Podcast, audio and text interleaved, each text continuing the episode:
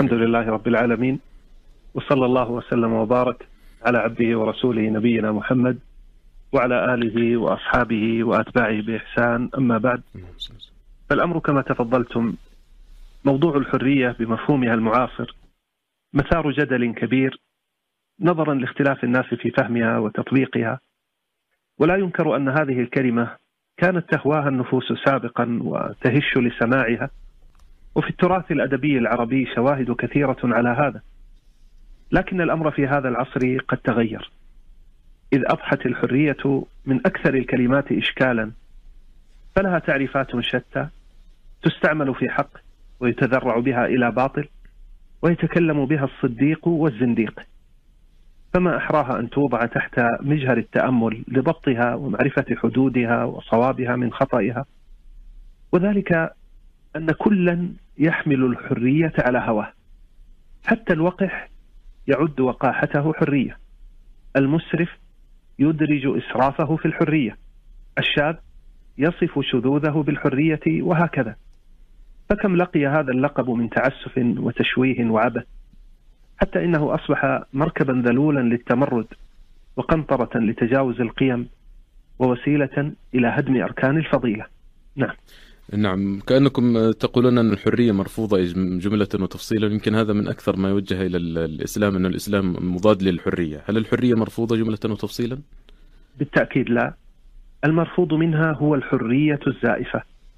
المرفوض هو التوظيف السيء للحرية وهو شيء منتشر مع الأسف. أستاذ عبد الله عندنا منهجان في تحديد ماهية الحرية وضوابطها. فحرية معتدلة نافعة يقررها الإسلام بعدله ورحمته وحكمته.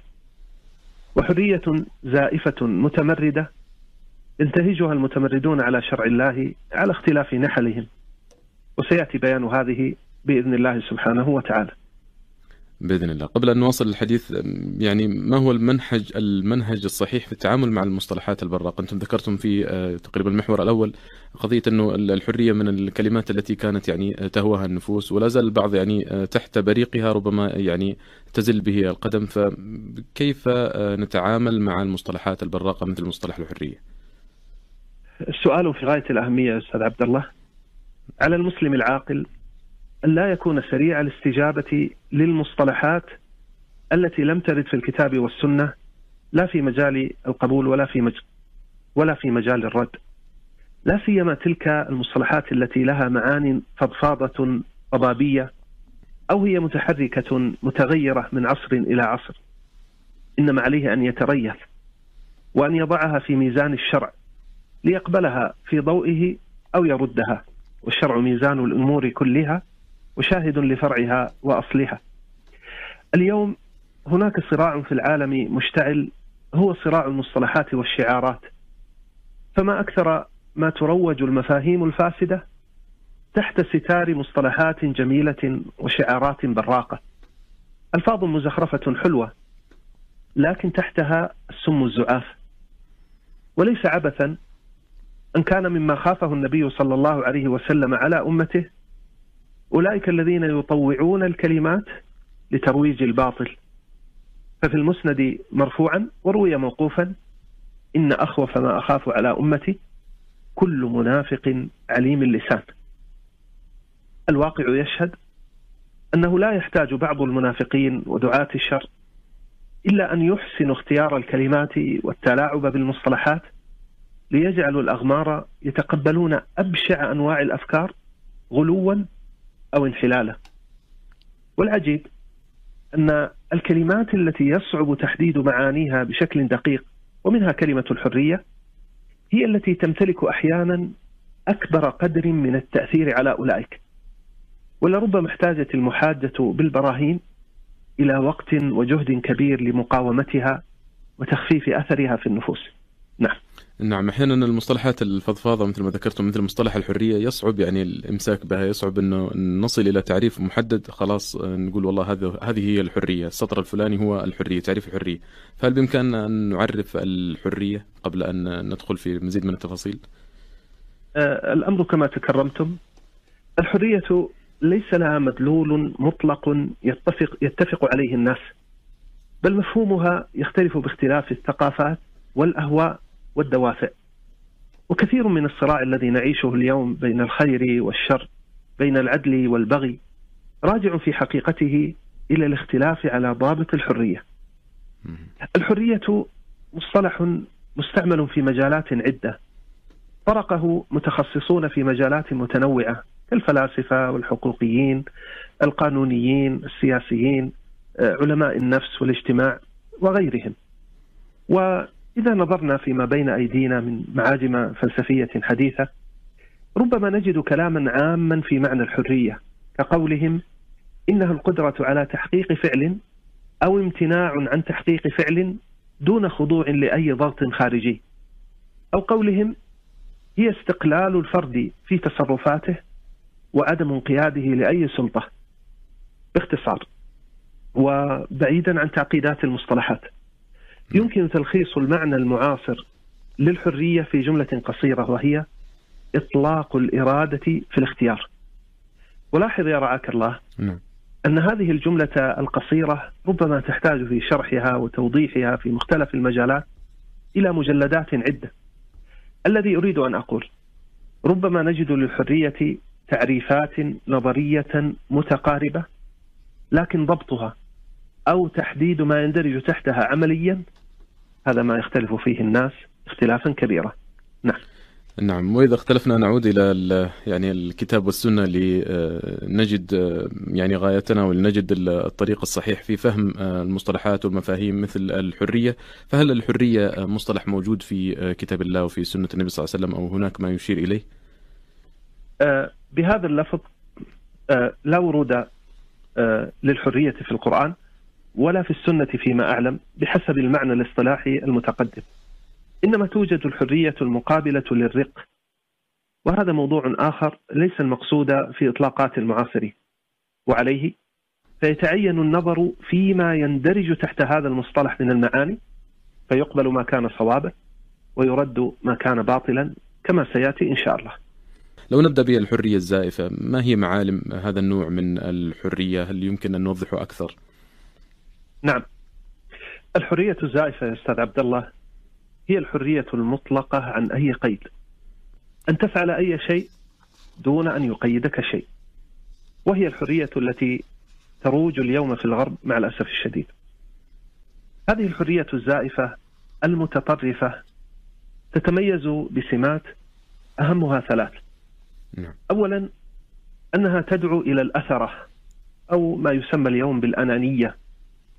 الأولوية المطلقة فيها للفرد لهواه لمصلحته وليس لمصلحة المجتمع. ثانيا في هذه الحرية لا يقبل على المرء رقيب ولا حسيب ولا أمر ولا نهي. ثالثا هذه الحرية ليس فيها معيار ثابت للحق والباطل أو ميزان للخير والشر أو ضابط للقيم السامية والسافلة وعليه؟ فهي حرية منفلتة ألغت كل قيد بل ألغت كل قيمة. وأعظم قيمة ألغتها الدين الحق. فتحت ظلال هذه الحرية لا فرق بين أن يعبد الله الرحيم الرحمن وأن يعبد الحجر أو البقر أو الشيطان. أما الأخلاق عند هؤلاء المتحررين المنفلتين فليس لها معيار إلا اللذة والمنفعة والهوى. هذه الحرية أرخت العنان للشهوات. نعم. فباسمها يمكن للإنسان أن يمارس كافة أصناف الشذوذ وجميع أنواع الفجور وأن يجهر بأي رأي ولو عارض شرعا أو خالف خلقا أو صادم عرفا ومجتمعا. إنها حرية زائفة. أولها بهرجة وقد يكون فيها إمتاع. لكن آخرها فساد وضياع. نعم هو ضياع. فما الذي أفرزته هذه الحرية عند أولئك سواه؟ هل أورثتهم سعادة حقيقية؟ الجواب لا. بل بؤسا وضيقا يهربون منه بكل وسيلة. بل أصبحت الحياة ذات قيمة رخيصة عندهم. حتى إن أحدهم وهو الذي يدعو إلى الحرية قد ينتحر لفقد عشيق بل لهزيمة في لعب. فما قيمة هذه الحرية التي ما أغنت عنهم فتيلا ولا قطميرة أي قيمة لحرية لا يملك فيها الإنسان تحكما في غريزة أو كبحا لانفعال؟ أي رق أذل من هذا الرق؟ غير أن المؤسف حقا أن مفاهيم هذه الحرية قد غزتنا في دورنا لتجعل ناشئ المسلمين ينشأ في عزلة عن دينه وتاريخه. هم يريدون من الفتاة المسلمة والفتى المسلم أن يكون حرا. ولو نقب السفينة ليغرق ويغرق. حرية تغرقه أولا في أمواج الشهوات تحت مظلة الحرية الشخصية. ثم تغرقه في لجج الشك تحت مظلة حرية التفكير.